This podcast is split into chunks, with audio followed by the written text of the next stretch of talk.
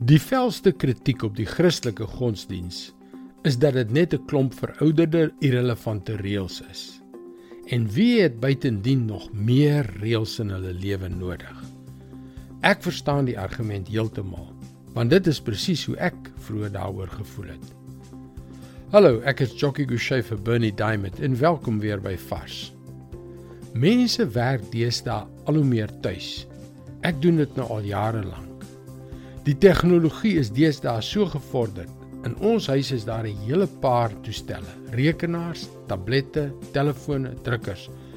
Alles wat aan die Wi-Fi gekoppel is, elkeen met sy eie netwerk. En vir jare kon ek 'n paar van die toestelle nie behoorlik laat werk nie. Tot op 'n dag toe 'n slim rekenaarfoendie my 'n bietjie raad gegee het oor netwerkkoppeling. En skielik het alles gewerk.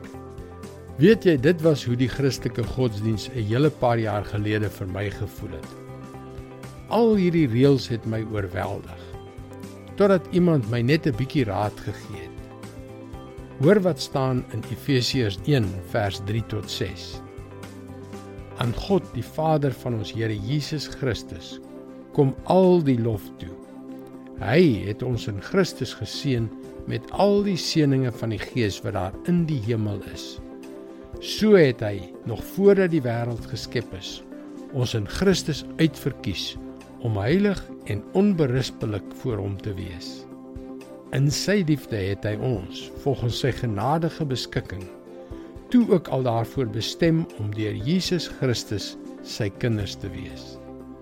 Daarom moet ons God prys vir sy wonderlike genade wat hy in die geliefde vrylik aan ons geskenk het.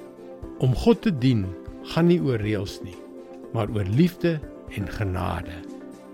En in 'n oogwink verander dit alles. Dit is God se woord vars vir jou vandag. Ek dink ons het die liefde en genade van God die nodigste wanneer ons midde in die stryd staan. Dis soms moeilik om te onthou dat hy saam met jou daar is.